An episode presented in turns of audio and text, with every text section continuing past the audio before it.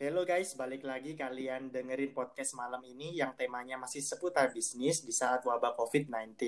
Malam ini saya mengundang pembicara yaitu Mas Anu. Singkat cerita udah ketemu Mas Anu ini ya mulai semester 1 sampai semester 2. Dan tentunya satu jurusan sama Mas Anu juga. Awal bisnis Mas Anu ini uh, eh, EO atau yang bisa kita kenal event organizer dan bertahan sampai saat ini. Oke, Mas Anu silakan perkenalkan diri dulu. Uh, Oke, okay. uh, perkenalkan ya teman-teman, nama saya Muhammad Arsyanu, panggilan bisa dipanggil Anu, umur saya 20 tahun, besok bulan November. Uh, asalnya dari kota Madiun, Oke, jadi teman-teman namanya ini Arsyano. Cuma untuk mempersingkat aja, kita panggilnya Mas Anu ya meskipun Anu, oke betul. Meskipun agak ambigu ya Mas Anu ya. ya enggak lah, kan itu mengambil tiga patah kata dari nama saya. Oke, Arsyanu, Anu. Oke, oke, boleh, boleh, boleh. Oke, ini Mas Anu aku mau tanya ini. Nah, Mas Anu ini kan jauh-jauh dari Madiun. Kenapa memilih Malang sebagai ajang untuk menempuh pendidikan? Hmm, gini aja, Tom. Kita mikirnya secara logis. Hmm. Oh, aku kuliah itu fungsinya itu cuman uh, apa ya? Bukan hanya sebatas kita sekolah, cari ilmu, udah selesai. Tapi kalau yang aku pikirin itu kayak apa ya? Uh, kita kuliah itu bukan hanya cuma cari ilmu aja. Jadi kita kuliah itu cuman eh apa sama cari teman cari relasi. Pokoknya cari segalanya pengalaman-pengalaman yang paling penting malah di kuliahan itu. Oh, berarti kalau Mas Anu itu nggak cuma tentang pendidikan melulu Iya, betul. Oke. Terus kenapa sih Mas ilmu komunikasi, kenapa nggak ambil manajemen kan sesuai sama EO-nya? Um, jadi gini loh Tom, dulu itu aku itu uh, ya passionnya itu di bidang editing, terus kayak bikin-bikin dulu pernah aku bikin YouTube juga sama teman-temanku di Madiun. Oh, iya. Wah pokoknya seru dulu Tom. Cuman ya itu uh, kayak keterbatasan pikiran eh, apa uh, pikiran dana sama itu loh dulu aku daftar di uh, apa ya di audiovisualnya MMTC Jogja itu aku nggak keterima jadi ya tetap nerusin sesuai passionnya di ilmu komunikasi UMM terus kok gak dilanjutin mas kenapa mas Apanya? YouTubernya. Jadi YouTube, akun YouTube-nya. Waduh, kalau apa ya? Uh, dari tim tim YouTube yang dulu itu soalnya udah kayak pencar semua itu loh, Tom. Oh, ha Hmm.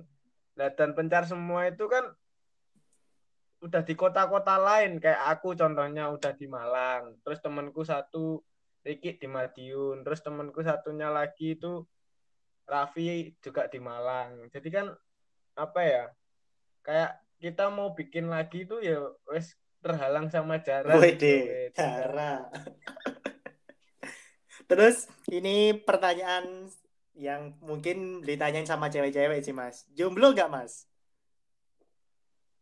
Uh, kalau jomblo itu ya bisa dibilang jomblo. ya tapi apa ya? yes aman aja lah pokoknya aman berarti tengah-tengah antara jomblo punya sepikan atau apa ini is apa gitu aja oke okay. jadi buat teman-teman yang mungkin kepo tentang Mas Anu atau Arsyanu ini kalian bisa cek Instagramnya. Apa Mas nama Instagramnya? Um, Arsyanu unya dua underscore. Oke Arsyanu unya. Bisa dicek juga di IG bisnisnya at Java Organizer. Oke, untuk jadi Mas Anu ini untuk akun pribadi Instagram, Mas Anu ini @arsyanu u-nya 2 underscore dan untuk Instagram bisnisnya kalian bisa cek di @thejavaorganizer underscore. Betul gak Mas? Betul sekali Tommy. Oke, terus ini Mas, kalau disuruh milih kuliah atau bisnis, lebih milih ke mana? Lebih condong ke mana Mas? Kalau saya milihnya dua-duanya. Kenapa Mas? Ya itu tadi kembali lagi ke poin pertama. Kita kuliah bukan cuman soal ilmu melulu. Mm-hmm. kita kuliah itu juga cari pengalaman cari teman cari relasi cari segalanya gitu loh. Dan kalau bisnis bisa dibuat sampingan aja dan jangan lupa kamu ke, ke Malang itu juga niatmu sekolah bukan niat untuk bisnis aja gitu loh. Oh, berarti kuliah itu gak cuma fokus sama tugas-tugas aja, gak fokus gitu kan Mas ya? Iya. Oke, hmm. jadi ya. Yo, tak tapi jangan lupa depan tugas itu nomor satu. Oke, jadi kuliah tetap sama disampingi bisnis lah Mas ya? Ya, ya insya Allah lah. Terus untuk sekarang mungkin Mas ya, bisnis apa aja nih yang udah dimulai pertama kali sampai sekarang? Ataukah cuma EO atau apa yang lain gitu Mas? Um, kalau bisnis itu ya Tom ya, kalau kalau dibilang bisnis itu kayak bukan bisnis yang apa ya, yang jangka panjang itu bukan kalau EO mm -hmm. itu. Kalau sekarang itu kita kita masih mainnya apa ya itu sih. Uh, kalau pertama kali ya io mm-hmm. pertama kali io terus YouTube dan YouTube tidak ada hasilnya terus io io itu cuman berhasil uh, berapa persen gitu aja. Soalnya juga ya itu tadi menang nama harusan. Ya semua harus pakai nama lah istilahnya. Oh label. Ya, uh, Terus setelah EO ini ada bisnis lain nggak mas? Ya ada sih. Kalau untuk sekarang, kalau sekarang kita fokusnya masih di Java Organizer itu di trip private trip Bromo, terus pokoknya kalian mau main ke mana, jalan-jalan ke mana, nanti bisa dipasrahin aja ke Mas Tommy atau saya. Oke. Okay. Jadi guys, uh, Mas Anu ini punya bisnis yang dulunya EO, tapi sekarang dia udah punya cabang, bisa dibilang punya cabang itu The Java Organizer. Jadi kalian yang mau trip, terutama mau ke Bromo, tapi gak harus ke Bromo juga sih. Untuk mau mungkin mau liburan ke mana pun, kalian bisa konsultasikan ke Mas Anu mungkin. Kalau gak gitu ke aku, kita bisa kasih referensi liburan kalian selanjutnya. Kayak gitu Mas ya. Iya, pasti dipermudah. Untuk nggak ada yang sulit. Untuk kok. harganya nih Mas, bersahabat atau enggak Mas? Wih, sangat bersahabat, Bos. Harga mahasiswa. Oke, guys. Aku ini juga ya, eh, sepengetahuanku ini Mas Anu ini kan juga mahasiswa, guys. Jadi pasti Mas Anu ini juga menyesuaikan dengan kantong kita. Jadi gak kayak travel-travel di luar yang menguras banyak kantong buat apa gitu loh. Jadi Mas Anu ini lebih mengutamakan kepuasan pelanggan dan selebihnya balik lagi ke kita. Gitu guys. Hmm, pasti. Dan ini Mas, suka dukanya pas awal kali bangun EO ini kok bisa sampai punya nama itu gimana Mas? Suka dukanya Mas? Um, suka dukanya itu ya apa ya pertama kali ini aku itu uh, bukan mau bikin IO malahan. Apa Mas terus? Pertama kali pertama kali itu aku disuruh temenku. Kan gini, dulu kan panggilanku di Madiun itu Kandas. Oke, okay, Kandas. Das, uh, das, tolong ini aku punya event tahunan. Event tahunan itu event tahunan band apa ya, band kayak jadi temanku ini punya kayak les private mm -hmm. musik. Terus aku uh, festival tahunannya buat kenaikan kelas lah istilahnya kalau di private gitu. Nah, pasti itu setiap tahun ada acara yang sangat kayak apa ya diwahkan di dalam Yang ditunggu-tunggu Mas ya. yang ditunggu-tunggu. Jadi temenku ini ngasih tanggung jawab ke aku suruh bikinin acara is pokoknya semua perlengkapan panggung dan lain-lain aku yang tanggung jawab. Jadi ya langsung semua ku cariin. Oh, berarti dulu yang handle itu Mas Anu seorang atau ada anggota lain, Mas? Ya ada teman-teman, cuman kan apa ya? Kalau untuk channel-channelnya kayak teman-temannya itu ya aku apa ya? Kayak dapat dari teman papa, terus banyak lah kok Tom pokoknya kan dulu juga aku anak touring kan jadi temanku juga alhamdulillah banyak gitu Oke, jadi ini Mas Anu ini rangkapnya banyak banget ya antara bisnis, anak motor, anak kuliahan, banyak banget ini, Mas. ya seperti itulah Tom anak Oke. muda Tom mencari jati diri. Relasinya Mas Anu ini banyak banget, guys. Terus kira-kira Mas, ini kan lagi itu kan lagi isu-isunya lagi trending topik nih, COVID-19. Kira-kira dengan adanya wabah COVID-19 ini bisnis Mas Anu terhambat gak? Eh, kalau adanya wabah Hmm. ini ya sangat terhambat Kok bisa, Mas?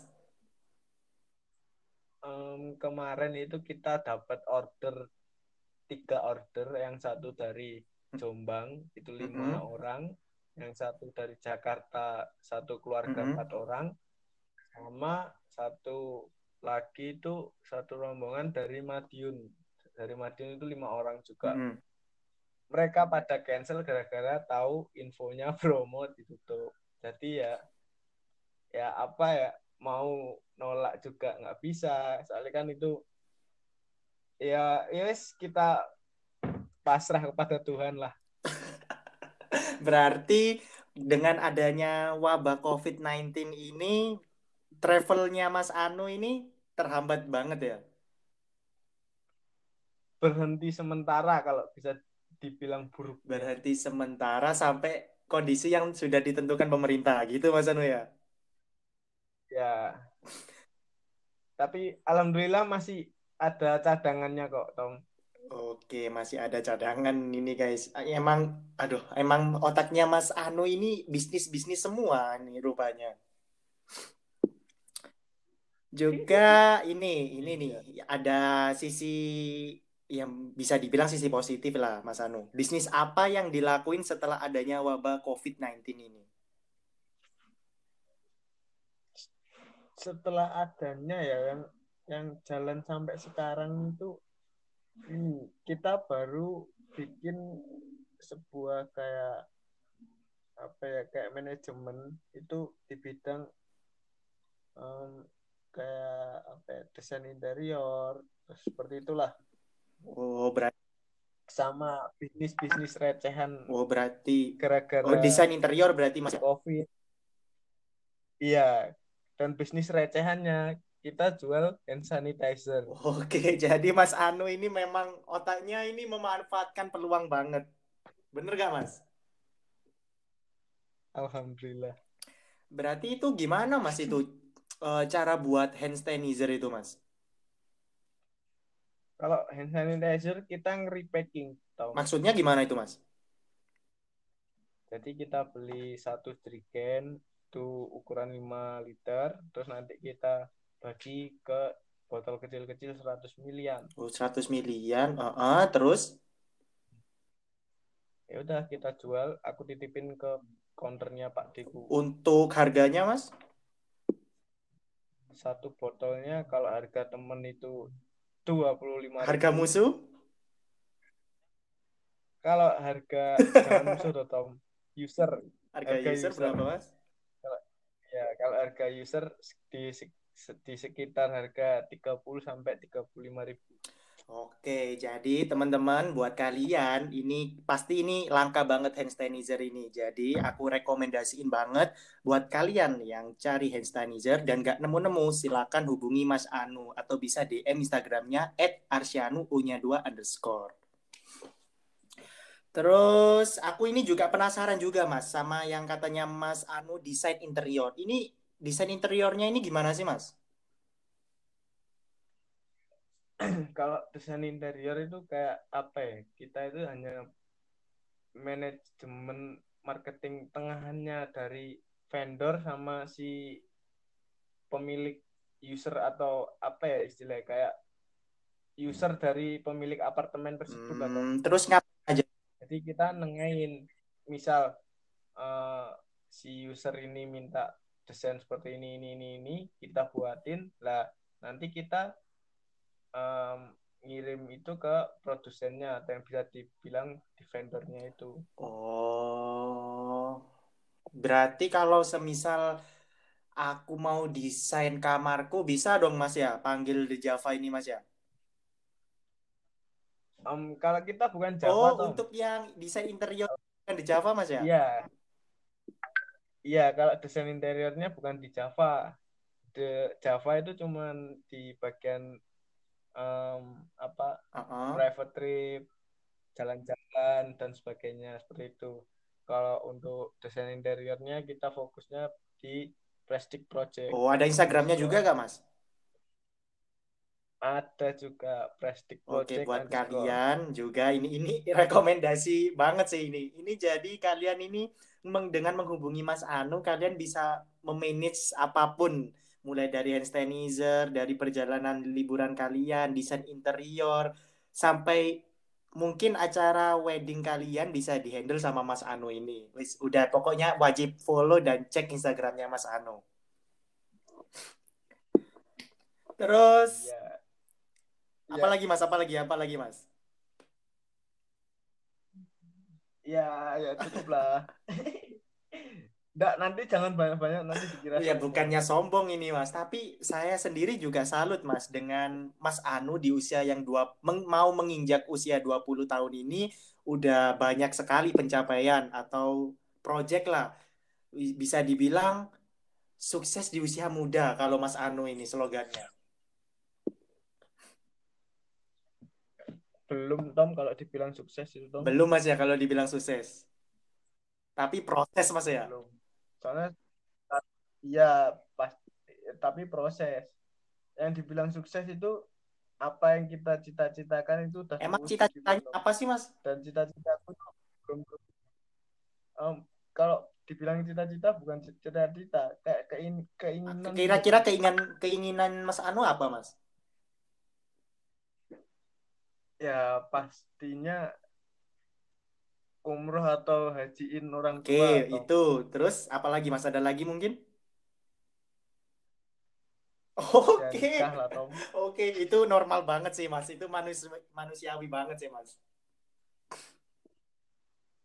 punya anak itu dah seneng Oke. Ini kayaknya promosi juga, guys. Buat kalian yang ngebet nikah, mungkin bisa hubungin Mas Anu. Terus, eh, menurut aku, Mas ya, gini, karena banyak banget mahasiswa yang mungkin masih di- bisa disebut labil umur 19 tahun, 20 tahun itu gak punya pikiran ke depan, Mas. Sedangkan Mas Anu ini udah punya kayak jangka panjang gitu loh. Meskipun Mas Anu bilang proyek ini bukan buat jangka panjang, tapi setidaknya Mas Anu udah selangkah lebih maju daripada mereka. Dan aku minta tips and trick buat orang-orang yang tak buat mulai bisnis atau buat mulai usaha. Kan banyak nih mas. Orang-orang yang nggak pede mau mau nyoba ini tapi nggak punya modal takut kalah atau takut rugi. Itu gimana mas? Tips and triknya kalau kita jangan eh, bicara soal tips and trick aja. berarti apa ini mas penting eh, seperti ini aja tetap ikhtiar maksudnya ikhtiar itu kita berusaha dilakukan ada dijalani aja kalau emang itu jalannya pasti lurus. Tom. quotesnya maut ada lagi nggak mas pasti. Ya yang penting ya jangan takut lah Tom Soalnya apa? Tantangan adalah peluang. Berarti, Masalah juga peluang, tantangan adalah berarti peluang. kita itu seneng Mas ya harusnya kalau dikasih sebuah masalah Mas ya. Ya, masalahnya apa dulu? Soalnya Nggak, semua Soalnya saya nangkepnya itu masalah peluang. Jadi saya berharap setiap hari dikasih masalah gitu mas saya nangkepnya. Iya, tapi masalahnya yang berprofit Oh, Oke, berarti nggak semua masalah mas ya. Masalah yang bermanfaat gitu aja mas ya. Iya. Aduh, oke Mas Anu. eh, terima kasih banget karena udah ngisi podcastku ini. Dan pastinya buat yang udah dengerin, eh, kalian pasti banyak dapat kurang lebihnya lah eh, ilmu dari Mas Anu ini tentang bisnis di usia muda. Jadi buat kalian jangan pernah takut buat ngemulai usaha atau mau melangkah ke arah bisnis. Karena kalau kalian semakin takut, kalian nggak akan pernah maju. Contohnya Mas Anu ini guys, bisa kalian lihat sendiri. Gitu Mas Anu ya? Iya, Tom. Ya, seperti itulah. Oke. Mas Anu, terima kasih eh, karena udah nyempetin waktunya buat di podcastku ini. Eh, sampai ketemu jumpa. Aduh, sampai ketemu jumpa apa ini? Sampai ketemu lagi ya Mas Anu. Terima kasih Mas Anu. Iya, sampai ketemu kita di semester Oke, depan, Tom ya. gabut-gabut bersama Mas Anu ya. Waduh. Oke Mas Anu, terima kasih Mas Anu. See you. Iya.